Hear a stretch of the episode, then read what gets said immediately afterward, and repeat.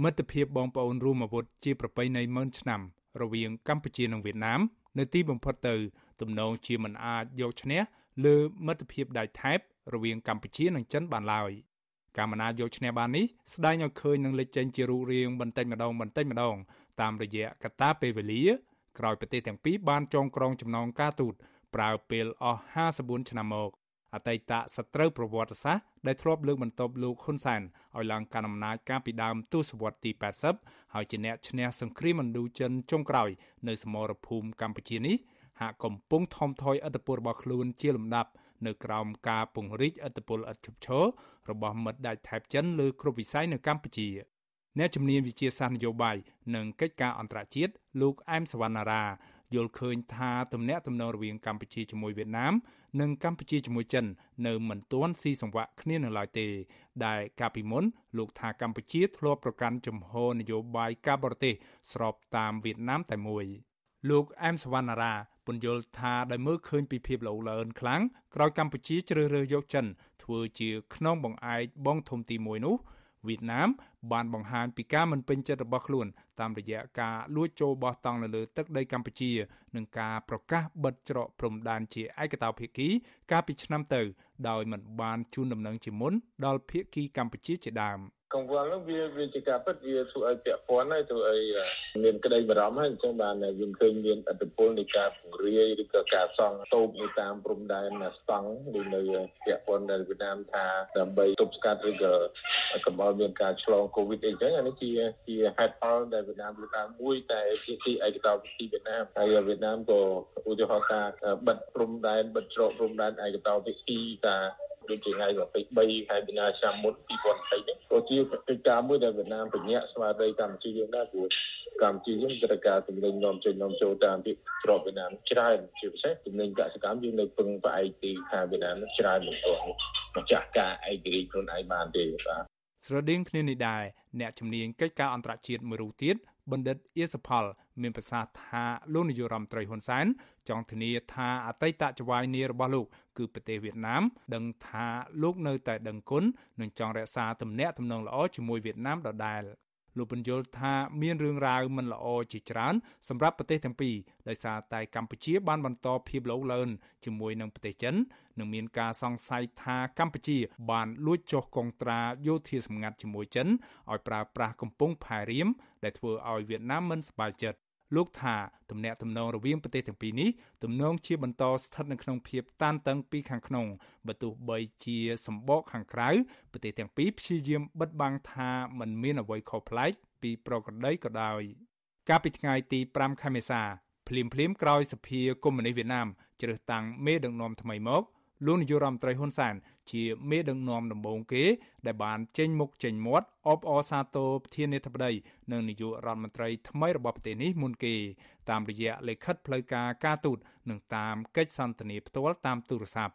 លោកហ៊ុនសែនបានបដិញ្ញាធ្វើការជិតស្និទ្ធជាមួយសមាភិកីវៀតណាមដើម្បីពង្រឹងទំនាក់ទំនងកម្ពុជាវៀតណាមឲ្យកាន់តែស៊ីជម្រៅព្រមទាំងបន្តកិច្ចសហការយ៉ាងជិតស្និទ្ធ ទាំងថ្នាក់ទ្វេភាគី ក្នុងតំបន់និងពហុភាគីលើគ្រប់វិស័យ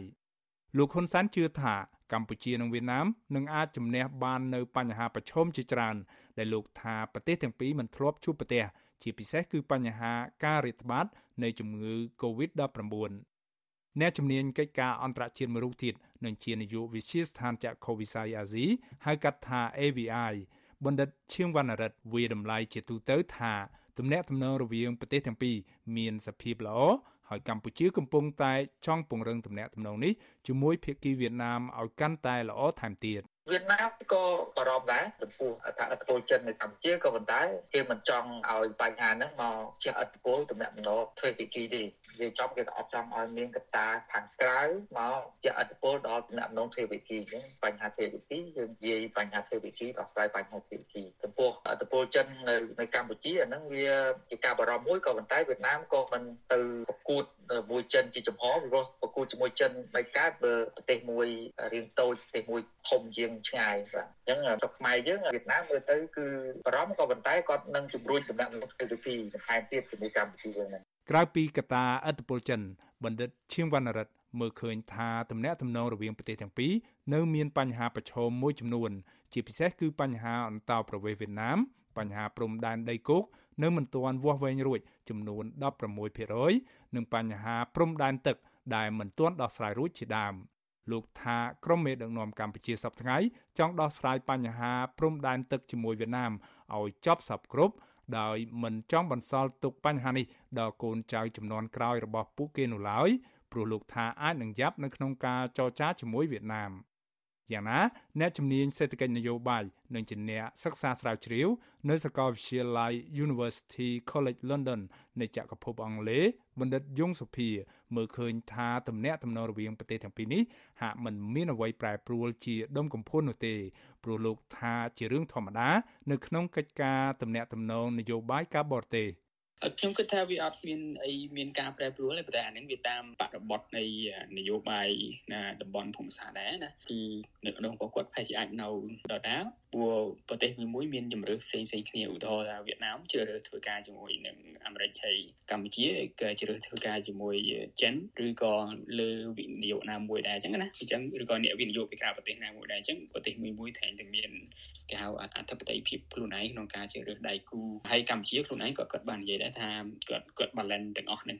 បើទោះបីជាអ្នកជំនាញកិច្ចការបរទេសភាគច្រើនហាក់យល់ស្របស្រដៀងគ្នាថាវៀតណាមកំពុងបារម្ភពីឥទ្ធិពលខ្លាំងរបស់ចិននៅកម្ពុជាក៏ដោយសម្រាប់លោកអែមសវណ្ណារាលោកនៅតែយល់ថា មហាយៈចិននៅមិនទាន់អាចជំនួសឥទ្ធិពលរបស់វៀតណាមបាននៅឡើយទេ នៅក្នុងការជួយជ្រោមជ្រែងឲ្យគណៈបកប្រជាជនកម្ពុជារបស់លោកហ៊ុនសែនអាចរក្សាអំណាចផ្ទៃក្នុងបានតលយៈភាពតំណែងតំណងរវាងចិននិងកម្ពុជាហើយនិង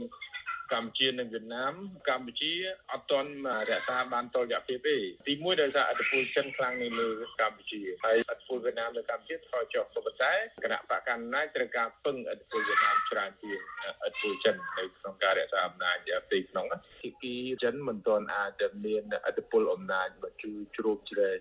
គ្រប់គ្រាន់ទេអានេះជាឧបសគ្គមួយធំដែរសម្រាប់គណៈបកកណ្ដាលអំណាចរៀបចំ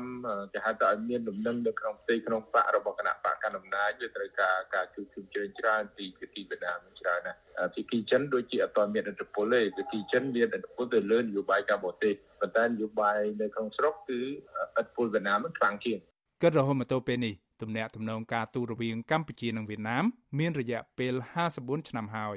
ប្រទេសទាំងពីរបានឆ្លងកាត់នៅរឿងរ៉ាវប្រវត្តិសាស្ត្រដ៏ជូរចត់ជាច្រើន ជាពិសេសក្រោយពេលដែលវៀតណាម បានលើកទ័ពជាង2សែននាក់មកឈ្លានពានកម្ពុជាដោយដាក់អាណានិគមរយៈពេលពេញមួយទសវត្សរ៍ក្រោមហេតុផលថាដើម្បីសង្គ្រោះកម្ពុជា ពីរបបខ្មែរក្រហម54ឆ្នាំបានកន្លងផុតទៅមែនសមិទ្ធផលចម្បងមួយ ដែលប្រទេសទាំងពីរសម្រេចបាននោះគឺការបោះបង្គោលខណ្ឌសីមាព្រំដែនដីគោក បាន84%ជាស្ថាពរតាមរយៈការចរចាដោយសន្តិវិធី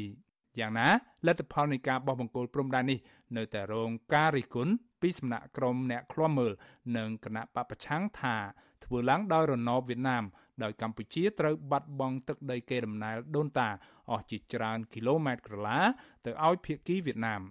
ចំពោះទំនាក់ទំនងទ្វេភាគីផ្នែកសេដ្ឋកិច្ចពាណិជ្ជកម្មនិងវិនិយោគវិញ វៀតណាមបច្ចុប្បន្នគឺជាដៃគូពាណិជ្ជកម្មធំជាងគេទី3និងជាដៃគូវិនិយោគធំជាងគេទី5នៅកម្ពុជាទំហំពាណិជ្ជកម្មទ្វេភាគីរវាងប្រទេសទាំងពីរបានកើនឡើងដល់ជាង5000លានដុល្លារកាលពីឆ្នាំ2019ហើយទំហំពាណិជ្ជកម្មនេះបន្តកើនឡើងដល់ជាង5.3000លានដុល្លារនៅឆ្នាំ2020ខ្ញុំបាទមេរិតអាស៊ីសេរីរាយការណ៍ពីរដ្ឋធានី Washington